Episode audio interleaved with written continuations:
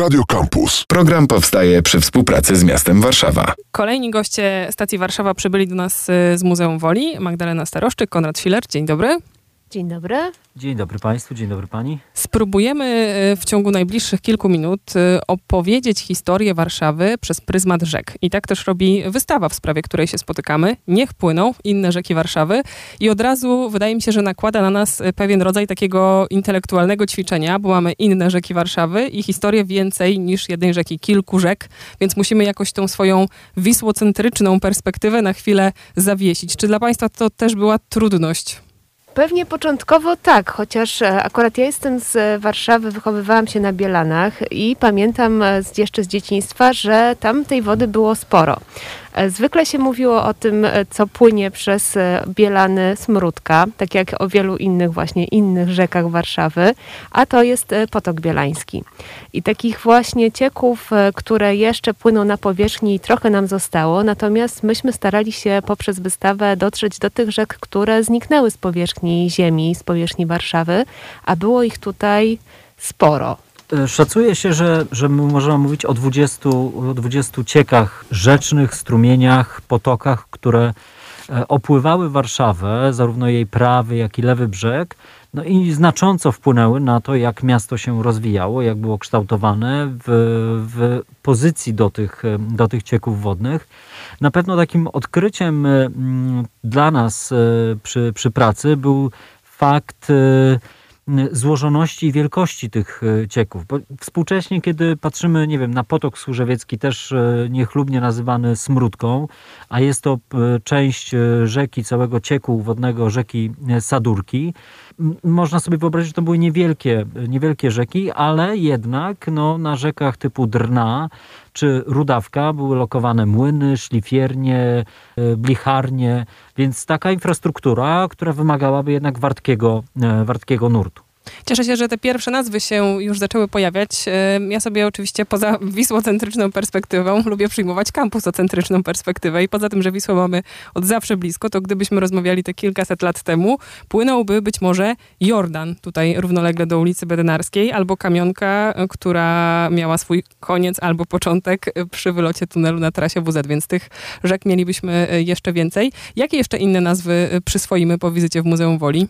Na pewno takimi ważnymi dla nas w ogóle rzekami, poza już wymienioną Drną, e, jest też Rudawka, która częściowo wciąż znajduje się w okolicach Lasku Bielańskiego, ale była znacznie dłuższą rzeką, zaczynającą się gdzieś w okolicach Powązek, a być może jeszcze wcześniej przy Lasku na Kole.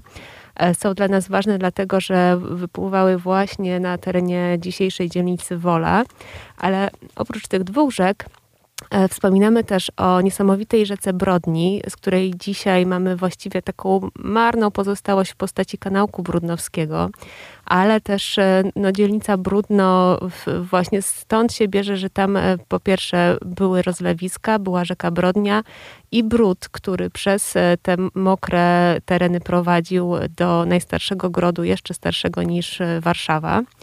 Oprócz tego nalewka, zwana też bełczącą, która również płynęła przez centrum Warszawy, tam gdzie mamy dzisiaj nalewki, to jest właśnie ta pamiątka w nazwie e, po, po tej rzece, której już nie ma. E, no i Sładurka wspomniana. E, czy o czymś no zapomniałam? No potoki staromiejskie właśnie. Potoki staromiejskie oczywiście, już przez panią tutaj redaktor wymienione, ale rzeka Żurawka. Rzeka Żurawka stąd nazwa ulicy Żurawia, jest takim ciekawym przykładem i można wysilić swoją wyobraźnię i, i to bym, do tego bym odwoływał, żeby e, spojrzeć na współczesną Warszawę, czyli ulicę Żurawią, e, Aleje Ujazdowskie e, i w dół ulicę Książęcą. Kiedy stoimy właśnie patrząc w, w kierunku ulicy Książęcej, to jest taki parów, który powstał właśnie w, jest to pozostałość rzeki Żurawki, na której y, na skrzyżowaniu dzisiejszego y, Placu Trzech Krzyży, ulicy Nowy Świat, właśnie ulicy Żurawiej, y, był ulokowany most. I to nie był mostek, a most, który miał długość 10 metrów i szerokość 24, więc mówimy o, o moście, który, który jednak, o rzece, która jednak była na tyle duża, że trzeba było na, nią, na niej ustawić most, żeby przez nią, przez nią przejść. I mówimy tutaj o początku XVIII wieku. Więc Warszawa wbrew pozorom stoi na wodzie. Mogłaby być Wenecją? Chyba nie bardzo, co? E... Zależy w którym miejscu. Myślę, że spokojnie na prawym brzegu, gdybyśmy, zresztą mamy taką niesamowitą pracę, kolaż e, zrobiony przez Grupę Centrala we współpracy z badaczami, badaczkami zajmującymi się właśnie mokradłami i e, w ogóle te, terenami wodno-błotnymi odtworzona niesamowita panorama Warszawy z prawego brzegu, na której na pierwszym planie widzimy właśnie obszerne rozlewiska bagna, mokradła, które w zasadzie na tym prawym brzegu bardzo długo właśnie istniały. Dzisiaj takim cennym terenem, który jeszcze nam został w mieście jest Zakole Wawerskie, właśnie teren wodno-błotny, y, teren mokradeł, który ekolodzy starają się wciąż chronić, ponieważ są zakusy, żeby tam e, zmniejszyć ten obszar, jakby coś zabudować. No i między innymi właśnie grupa Zakole, czyli grupa osób, która działa w sprawie tego Zakola Waworskiego jest e, prezentowana też na wystawie. Pokazujemy niezwykły film z wody, e, który powstał, żeby pokazać bioróżnorodność, niesamowitość form żywych, które tam sobie egzystują właśnie na tym Zakolu Wawerskim. Niech płyną inne rzeki Warszawy, tak nazywa się wystawa, o której rozmawiamy z kuratorami Magdaleną Staroszczyk i Konradem Schillerem z Muzeum Woli. Takie pół zdania jeszcze sobie wynotowałam rzeki nie były głównymi bohaterkami historii. To też jest zdanie pochodzące z wystawy. I myślę sobie, jak one były utrwalane. Łatwo je sobie wyobrazić na planach, na mapach. Trochę może opowieść o rzekach przez pryzmat opowieści o gatunkach, które w nich żyją albo żyły. Jak zostały zapisane w tych wszystkich źródłach, które pomagają nam współcześnie odtwarzać historię? E, to jest bardzo dobre pytanie, ale też e, bardzo wymagające, ponieważ przygotowując się do tej wystawy, no, braliśmy pod uwagę fakt, że wiele z tych rzek e, zanikało i w, na, przestrzeni, na przestrzeni dziejów. XVII, XVIII wieku, w XIX w zasadzie to jest już taki kulminacyjny moment, w którym te rzeki znikają z powierzchni.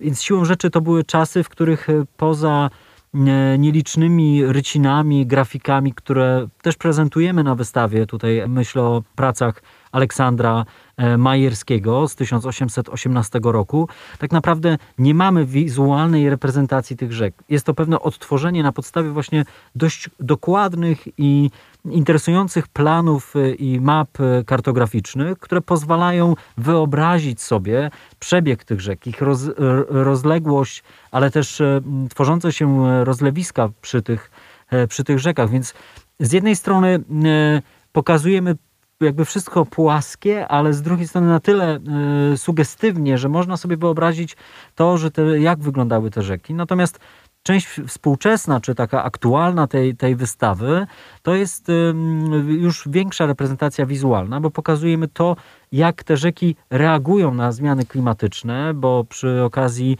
większych ulew e, wiosną, latem uruchamiają się starorzecze drny przy Cytadeli. E, potok Służewiecki zamienia się w rwącą górską rzekę. Rudawka też e, daje o sobie, o sobie znać, więc z jednej strony mówimy o pewnej przeszłości, pewnej archeologii tej wody, a z drugiej strony ta woda cały czas e, funkcjonuje. I reakcje wielu odbiorców, i tutaj otrzymujemy e-maile i też e, telefony z zapytaniem, czy jest jakaś dokumentacja, ponieważ okazuje się, że wiele lokalizacji osiedli, domów jest budowanych właśnie na takich terenach e, po dawnych rzekach i te rzeki się uruchamiają. I dziw bierze, że skąd tyle tej wody się e, znajduje, albo dlaczego nagle mm, e, potoczek, który czy ciek jakiś lokalny zamienia się w rwący, rwący potok. Czyli bezzasadne byłoby moje następne pytanie o taką społeczną pamięć i historię tych rzek, bo to jednak brak danych i dokumentów, a myślę sobie, że może ktoś w tych rzekach pływał, może kogoś zalewały, może coś łowił. Rzeczywiście bardzo trudno by było dotrzeć do takich pamiętanych jeszcze historii y, odnośnie tych rzek, które znikały w XVIII-XIX wieku, jak na przykład Drna. Natomiast e, wydaje mi się, że są rzeki częściowo uregulowane, które w tej pamięci społecznej jeszcze jakoś zaistniały, tak jak wspomniany przeze mnie właśnie z mojej pamięci Potok Bielański, czy Potok Służewiecki, będący dawniej Sadurką, Wilanówka, e, właśnie te kanały prawego brzegu, kanał Brudnowski, ale też inne kanały, które są bardziej na południe, kanał e, Nowa Ulga, Nowe Ujście. Myślę, Kanał że Wawerski. kanał Wawerski. Myślę, że spokojnie można by było o takie badania się pokusić. Myśmy już niestety n- nie dali rady aż tak szerokich e, badań przeprowadzić, ale mam nadzieję, że to się wydarzy. Wiem, że Uniwersytet Warszawski, bo- są tam badaczki, badacze, którzy się będą zajmowali taką tematyką. Natomiast chciałam jeszcze a propos tych reprezentacji powiedzieć, że no mamy taką historię Rudawki dosyć dobrze odnotowaną, ponieważ to jest taka rzeka, która dosyć późno była kanalizowana. Ona jeszcze przed II wojną światową e, była dosyć nieuregulowana. W Kronice Warszawy, czyli e, takim magazynie, czasopiśmie, które em, odnaleźliśmy właśnie te, te przedwojenne numery. W 1939 roku tam były jeszcze publikowane zdjęcia Rudawki właśnie nieuregulowanej i prób jej regulacji. Następnie ona została wpuszczona właśnie pod ziemię do kanału i to też jest dosyć dobrze udokumentowane w materiałach MPWiK, które również e, dzięki uprzejmości archiwum MPWiK prezentujemy na, na wystawie. I do odtworzenia jest właściwie e, dokładnie, gdzie ta rudawka pod ziemią biegnie, jak wychodzi na powierzchnię. I wydaje mi się, że e, również właśnie w pamięci może jeszcze ktoś, ktoś ma rudawkę i może komuś się przypomni e, coś z nią związanego. Natomiast e, materiały MPWiK i materiały w ogóle dotyczące melioracji prowadzonych prac kanalizacyjnych na terenie Warszawy pokazują nam, że właściwie od wielu lat coś podobnego ludzie robią z rzekami. To znaczy, mamy materiały sprzed lat 70., z lat 50., 60., e, które pokazują tworzenie właśnie tych odkrytych kanałów w różnych miejscach Warszawy. E, Jeżeli zestawimy je z e, fotografiami, które robili strażnicy rzek, osoby, które zajmują się ochroną rzek współcześnie, z takiej koalicji Ratujmy Rzeki, która no, jednoczy różne organizacje, różne osoby zatroskane o los rzek, to zobaczymy, że właściwie niewiele się zmieniło, niestety. Bo e, współcześnie e, w różnych miejscach Polski, akurat my pokazujemy zdjęcia z południa Polski, rzeki są nadal regulowane w taki sposób, e, że to jest szkodliwe dla samych rzek, dla środowiska i też niekoniecznie korzystne dla ludzi. I na ten problem też staramy się zwrócić uwagę. Ten wątek regulacji, wątek aktywistyczny, takiej wodnej infrastruktury, która z sąsiedztwa rzek wynika, też jest y, widoczny na wystawie. Jak jeszcze wystawa y, Niech płyną prezentuje rzeki? No jedną z takich e, e, ciekawszych interwencji na tej wystawie jest e, praca Jarka Lustycha Latent Voice.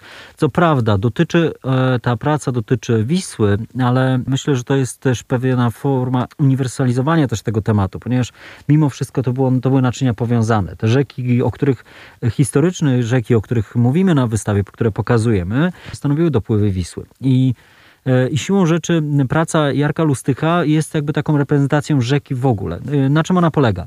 Jarek Lustych skonstruował mm, niesamowity instrument, e, tubę połączoną ze stalowymi strunami, które wpuścił w nurt rzeki Wisły na różnych jej odcinkach, tej rzeki Wisły Warszawskiej i skomponował, e, nagrał utwór, e, który przypom- przypomina, czy może wywoływać skojarzenia z przykład stadem wielorybów w oceanie, czy też e, dźwięki nagrywane gdzieś ze, ze stratosfery, czyli dźwięki, które pierwszym odruchu mogą się w ogóle nie kojarzyć z wodą, a jest to jednak jest to dźwięk rzeki, to jest pewien głos, głos wody, który, który rzadko słyszymy. Zazwyczaj jak mówi się o dźwiękach wody, no to mamy ten plusk, plusk wody, szmer wody, natomiast tutaj do, dostajemy bardzo mm, taki oniryczny, ambientowy krajobraz, e, e, krajobraz wody. Więc to jest też taka interwencja, która troszeczkę rozbija taką e, jednowymiarowe, jednowymiarowe, jednowymiarowe spojrzenie. Najbardziej radiowy w takim razie fragment No, tej oczywiście, wystawy. jak najbardziej, jak najbardziej radiowy.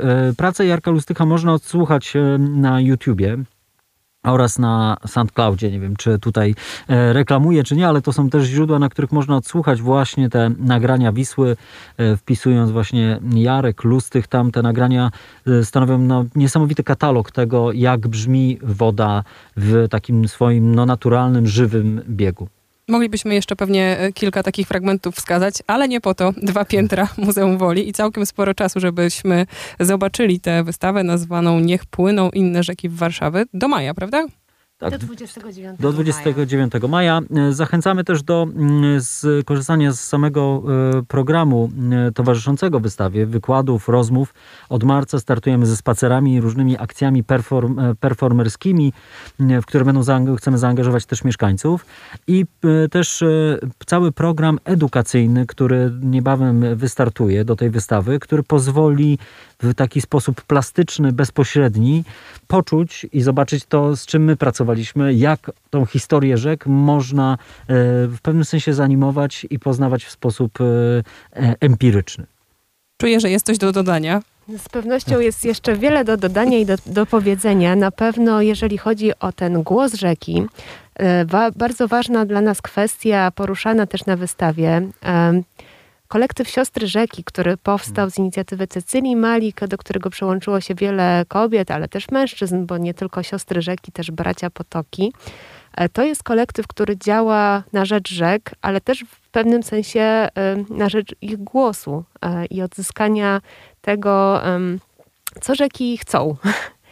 E, Jednym z ważnych głosów ludzkich na, tym, na tej wystawie jest głos adwokatki, prawniczki Karoliny Kuszlewicz, która postuluje, żeby e, rzeki zyskały swoją podmiotowość prawną i żeby można było bronić ich praw właśnie na takiej drodze sądowej czy prawnej. Myślę, że to jest bardzo ciekawe i bardzo ważne w obliczu sytuacji, w której się wszyscy znaleźliśmy, właśnie kryzysu klimatycznego. E, I mm, no właśnie ten aspekt ochrony zasobu wodnego w ogóle, nie tylko samych rzek, ale też mokradeł, to jest taka kwestia bardzo dla nas istotna. A ponieważ zbliża się dzień e, mokradeł, to też zachęcamy do tego, żeby rozejrzeć się w sieci, e, bo bardzo dużo będzie się ciekawych rzeczy działo, między innymi dotyczących Zakola Wawerskiego, ale w ogóle też mokradeł w Polsce i na całym świecie. Cieszę się w takim razie, że tym akcentem kończymy. Znaczy nie cieszę, że kończymy i że trzeba jednak o nim mówić, bo takie są okoliczności, ale dobrze, że udało się i o nim wspomnieć. Magdalena Staroszczyk, Konrad Schiller, dziękuję bardzo. Bardzo dziękujemy. Dziękujemy bardzo. Do zobaczenia. Program powstaje przy współpracy z miastem Warszawa. Campus, campus, sztosy, sztosy, same sztosy.